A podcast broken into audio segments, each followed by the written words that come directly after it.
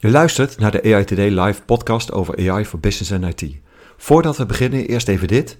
We zijn genomineerd voor de Prijs van Oranje van de Belgian Podcast Awards. We zijn super trots op deze nominatie en jij kan ons helpen om deze prijs te winnen. Luister je graag naar onze podcast? Stem dan via belgianpodcastawards.be. Alvast bedankt. Waar moet je op letten als je wilt starten met machine learning? En hoe kom je aan de juiste expertise? Je hoort het vandaag in AI Today Live, de podcast over artificial intelligence, speciaal voor business en IT. Iedere twee weken duiken we dieper in het nieuws rondom AI en hoe je AI inzet in je organisatie. Ik ben Mark Wolvenbuttel, Chapter Lead AI Zorg bij InfoSupport. En ik ben Joop Snijder, Head of Research Center Artificial Intelligence, ook bij InfoSupport.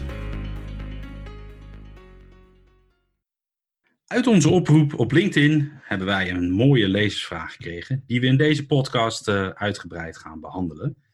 Uh, de vraag die binnenkwam is: waar moet ik op letten als ik wil starten met machine learning? Nou, samen met mijn collega Joop gaan we daar uh, vandaag op in. Joop, kan je daar misschien al antwoord op geven? Uh, Jazeker. Ik denk dat, je bij, uh, dat we in ieder geval een aantal zaken wel uh, geleerd hebben. En waarbij de allerbelangrijkste, die ik ook in mijn workshops altijd als eerste behandel, is namelijk dat de, als je start met machine learning, is het geen technisch feestje, maar moet het natuurlijk wel bijdragen aan je bedrijfsdoelstellingen. Je wil impact maken, je wil iets voor elkaar krijgen. Je wil of bijvoorbeeld kosten verlagen, je wil uh, je, je winsten vergroten, omzet vergroten, uh, klanttevredenheid vergroten, dat soort zaken. Dat, dat zijn uiteindelijk zaken die je wil gaan bereiken. Uh, dus als je wil gaan starten, is het wel handig dat je ook impact maakt met je machine learning en dat ook direct koppelt aan dat soort uh, bedrijfsdoelstellingen. Nou, die kunnen best wel heel groot zijn, hè, vanuit, vanuit de hele organisatie, maar dat kan ook op projectniveau zijn of op productniveau. Uh, maar het allerbelangrijkste is dat je die heel scherp hebt. Ja, snap ik. Want, want een idee creëren is niet zo moeilijk. Uh, we zien natuurlijk al veel ideeën terugkomen in de praktijk. Hè. Denk aan uh, AI dat toegepast wordt binnen Spotify of Netflix. Dat we allemaal als persoonlijke gebruiker uh, natuurlijk toepassen. Of, of een routeplanner. De kunst is natuurlijk het om het om te zetten naar iets wat je binnen je bedrijf kan gebruiken. Ja, precies. En, en wat wij nog wel eens zien, zeker aan zo'n begin van zo'n workshop, is dat er heel veel, ja, laat ik het even zeggen, technische experimenten ontstaan. Hè? Dat, dat, dat mensen denken, oh, dit is gaaf en dit is leuk en dit zouden we ermee kunnen doen. Nou, dat, dat geeft wel een hoop energie.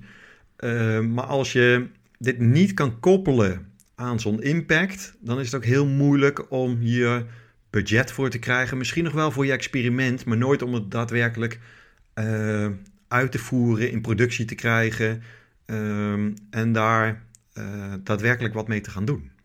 Ja, dat, ja eens. En, en dan terug naar de doelen, hè. Als we kijken, nou, ik denk dat we er enkele tientallen uh, workshops, ideation dagen al hebben gehad en gedaan. Ehm, ik denk wel dat we toch kunnen terugbrengen naar, naar een aantal doelen die voor ieder bedrijf uh, vrij helder zijn als het gaat om toepassing van nieuwe technologieën, met name dan AI. Ehm, kun, je, kun je daar eens wat meer over zeggen? Ja, wat je veel ziet is natuurlijk uh, kostenreductie. Um, en dat uit zich dan bijvoorbeeld in um, uh, minder handmatig werk uitvoeren, verminderen van fouten, hè, de, de one-time ride. Uh, dat soort zaken. Wat je ook heel veel ziet, is dat het in het kader van Know Your Customer is.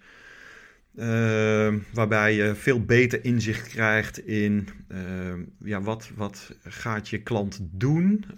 een van de voorbeelden is, je kan gaan voorspellen bijvoorbeeld of een klant bij je blijft of dat hij vertrekt.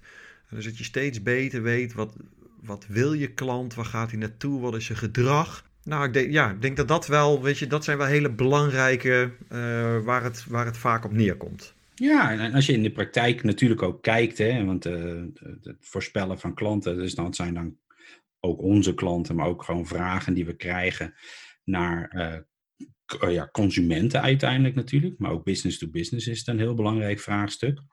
Uh, en eigenlijk het mooie daarvan is, kijken naar kostenreducties, natuurlijk iedere branche is daar wel mee bezig op een bepaalde manier. En iedereen is erbij gebaat als we taken automatiseren, die toch eigenlijk liever niemand wil doen. En, en, uh, maar het is niet alleen maar kostenreductie hoor. Van je, we zien ook veel op het gebied van, uh, van klanttevredenheid. dus dat je dusdanige toepassingen hebt waardoor, waardoor je veel meer een unieke positie in de markt hebt voor je klant. En dat, dat kan zijn omdat je sneller kan reageren of dat je veel beter aan de wensen van de, van de klant kan voldoen. Uh, of wat ik net al zei, hè, van dat je je klant gewoon beter begrijpt en, en je dienstverlening daar beter op aan laat sluiten.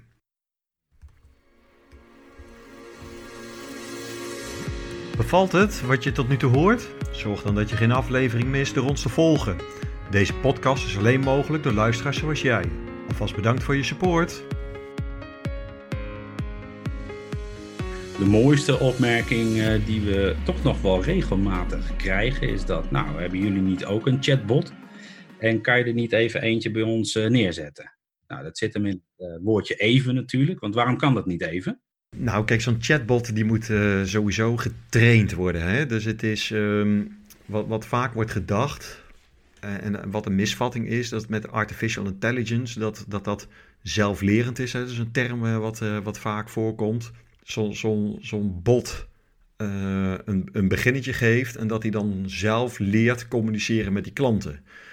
Maar helaas werkt het niet op die manier. Is dat je hem constant zelf moet voeden, moet opleiden in wat zijn nou de antwoorden moet je, die je moet geven op vragen. En je kan je voorstellen dat, het, dat de range van vragen en hoe mensen vragen stellen, ja, dat is zo uitgebreid uh, daar moet je heel veel tijd, energie in steken om alleen al goede antwoorden te geven. Laat staan dat je dat tot een conversatie kan maken.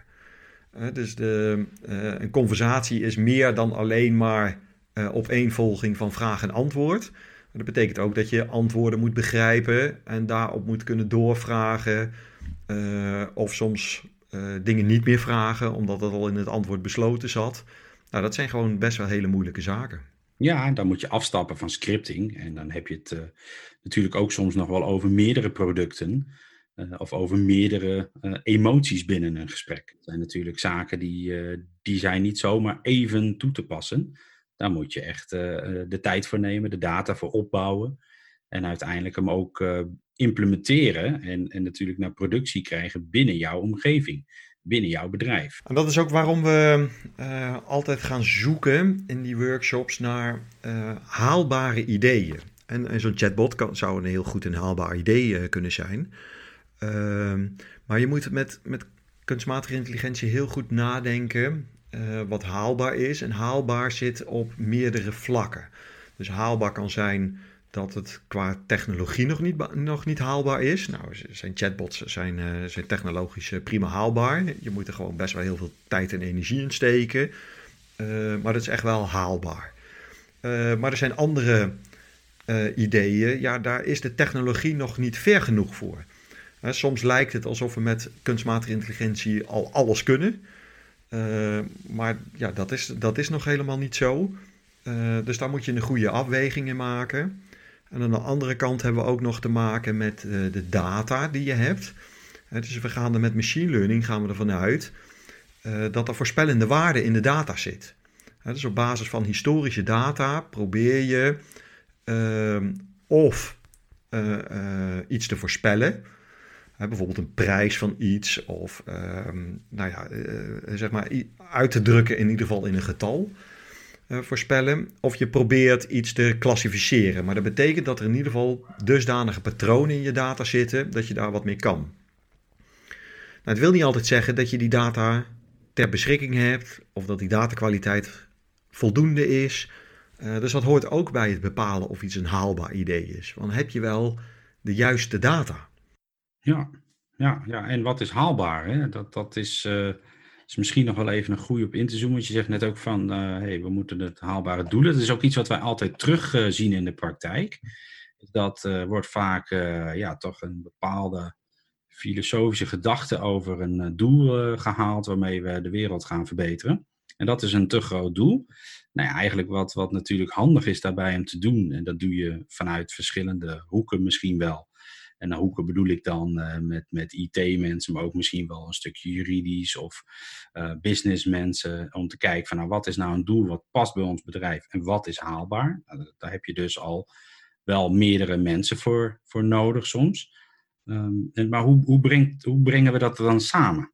Ja, wat je, kijk, als je uiteindelijk met elkaar vast hebt gesteld dat het een uh, haalbaar idee is. En dat haalbaar idee, dat, dat brengen we terug uh, zodanig dat je in, nou laten we zeggen, vijf tot, tot tien werkdagen daar een levensvatbaar resultaat van kan krijgen binnen een experiment.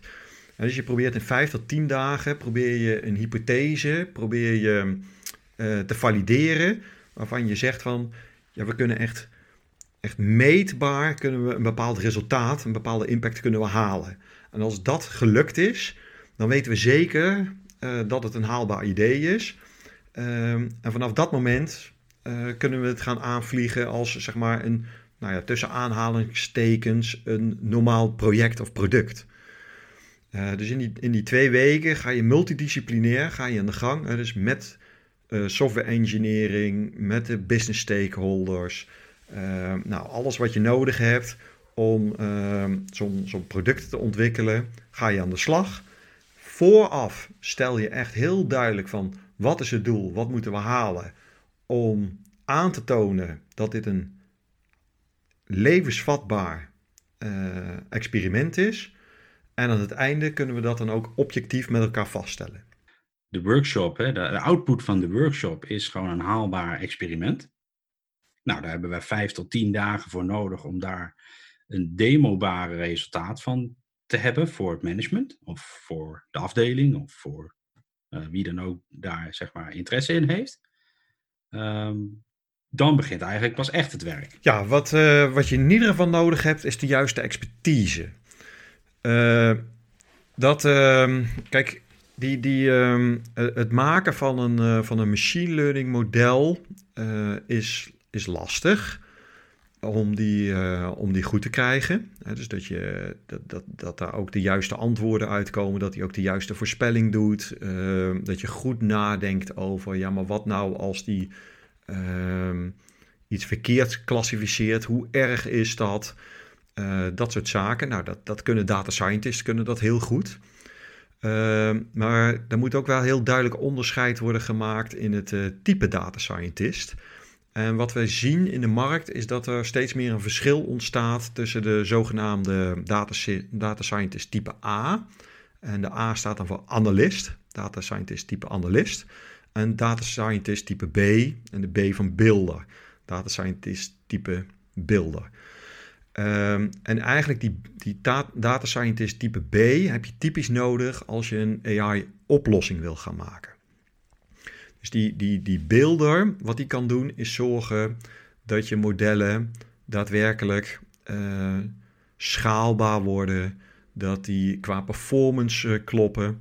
Je, je kan je voorstellen dat als je het binnen een experiment, dat je een heel mooi model hebt, die kan bijvoorbeeld uh, e-mails gaan klassificeren naar categorieën.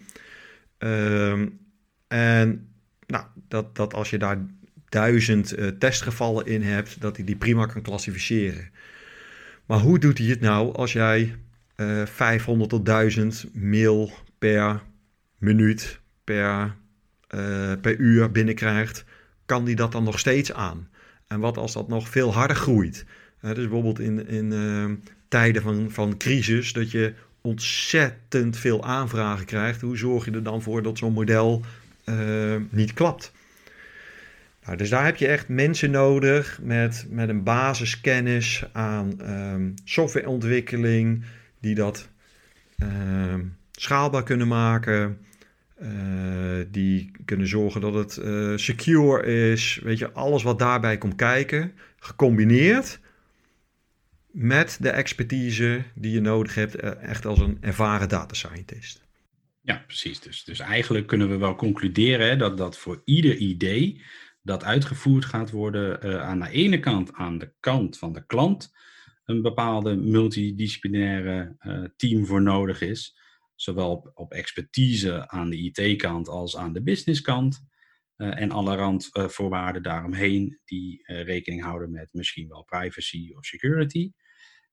terwijl je aan de andere kant ook een expertise nodig heeft die dit in praktijk al een aantal keer gedaan hebben. de data scientist type B, uh, maar ook de software engineer die verstand heeft van het uitrollen van, uh, van modellen op productie, schaalbaar maken, veilig maken. Uh, dus, dus er komt wat bij kijken. Ja, en, en wij zeggen ook altijd van hè, zorg dat je dit soort kennis ook ehm, zelf in huis krijgt. want uiteindelijk, deze technologie is te belangrijk om dat niet zelf onder de knie te hebben. dus, dus machine kunstmatige intelligentie, machine learning is uh, de technologie van, uh, ja, ik, de toekomst is het eigenlijk niet meer, want het is er nu. Uh, maar het is zo belangrijk dat je dit ook zelf moet kunnen. Dus je moet ook langzaam moet je beginnen met zelf deze expertise opbouwen. Ja, dus resume naar de lezersvraag. Waar moet ik op letten als ik wil starten met machine learning? Hou je doel in ieder geval klein. plaats hem in ieder geval op je bedrijf. Dus, dus maak een doel wat haalbaar is voor jouw bedrijf. Zorg dat je de juiste expertise aan boord hebt, zodat je een vliegende start kan maken. Begin heel klein met een experiment. Kijk of jouw idee haalbaar is. Ook een niet haalbaar idee is gewoon een heel goed gevalideerd idee. Dus dat is geen failure, maar dat is, uh, dat is gewoon helemaal goed dat dat gebeurt. Want anders was je misschien wel geld uh, kwijt geweest en de investering kwijt geweest. Uh, zorg voor de juiste expertise aan beide kanten. Op het moment dat je ziet van hey, het is een haalbaar idee en ik wil ermee aan de slag een aantal dingen natuurlijk even opzommend waar je dan aan moet letten aan de technische kant. Modellen moeten schaalbaar zijn, dus de infrastructuur moet goed staan. Zorg voor de juiste expertise aan boord. Uh, en zorg ervoor dat je uiteindelijk een uh, model hebt dat je ook daadwerkelijk een stukje bijdrage levert aan je bedrijfsdoelstelling. Ben ik zo compleet, Joop? Helemaal compleet. Misschien wat we missen is iets over ethiek. Maar dat lijkt me nou iets voor de volgende aflevering. Goed punt, daar komen we de volgende keer op terug.